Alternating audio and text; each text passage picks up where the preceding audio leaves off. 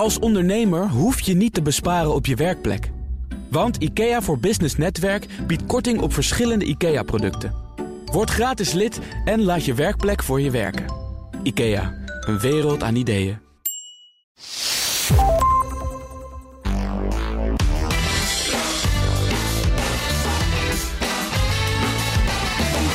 Ja, je werkweek krijgt weer een vliegende start dankzij de werktip van de week van, van Ben Tichelaar, gedragswetenschapper en presentator van de Ben Tichelaar podcast te beluisteren op deze zender.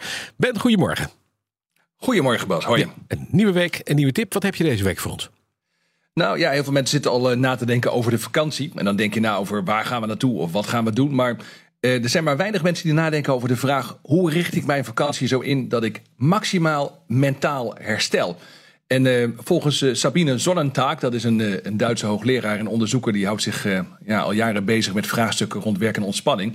Is dat misschien wel de belangrijkste vraag die je op dit moment zou moeten stellen? Hm. Kijk, vroeger moest je lichamelijk uitrusten van je werk, maar tegenwoordig is het vooral belangrijk dat we mentaal herstellen. Ja, dat klinkt aannemelijk, zeker in de tijd waarin heel veel mensen zich zijn gestrest zeggen te zijn of ja, onder de indruk zijn van, van uw werk, mentaal dus uitgeput raken. Wat moeten we dan doen om ons goed voor te bereiden, volgens professor Zonnentaak?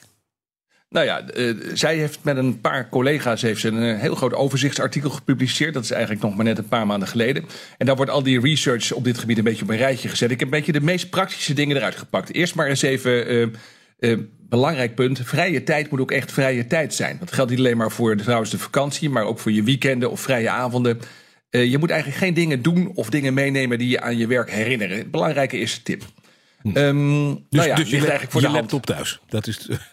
ja, dat is wel. Ja, als, als het, kijk, als het niet anders kan. Maar je moet niet denken dat je dan mentaal ook echt gaat opladen. als je dat soort dingen voortdurend in de buurt hebt. Dat, is, je, dat zijn dus dingen die bewezen ondermijnend werken.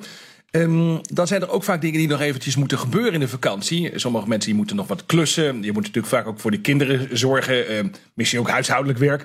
Nou, dat noemen ze. excuus. Dat noemen ze um, high-duty activiteiten mm -hmm. in dat onderzoek. En die high-duty activiteiten, dingen die echt moeten, uh, die vertragen eigenlijk je mentale herstel. Het is beter om low-duty activiteiten te ondernemen. Dus sport, hobby, sociaal contact, dat soort dingen. Juist. Maar als je dat zo hoort, dan moet je er dus echt over nadenken. Niet inderdaad alleen maar van worden te Alpen of het strand, maar echt gewoon precies van tevoren zeggen wat is low en wat is high duty. Ja, precies. En ja. nadenken over de vraag, ja, die, dat mentale herstel, hm. waar laat ik eigenlijk geestelijk van ja, op? Daar moet je over nadenken. Ja. En afwachten is niet echt een strategie. Nee, wat, wat kun je plannen? Wat moet je plannen? Zo zegt Zonnentaak. Wat helpt? Nou, um, actief zijn op vakantie helpt enorm. Uh, liever bewegen, uh, dingen doen dan niksen. En wat ook wel leuk is, is uh, kleine uitdagingen oppakken. Uh, dat noemen ze ook wel, als, het dan, als dat dan lukt, dat noemen ze dan mastery experiences. En uh, die ervaringen van meesterschap, dus een flinke fietstocht of een nieuwe sport of een nieuwe hobby uitproberen.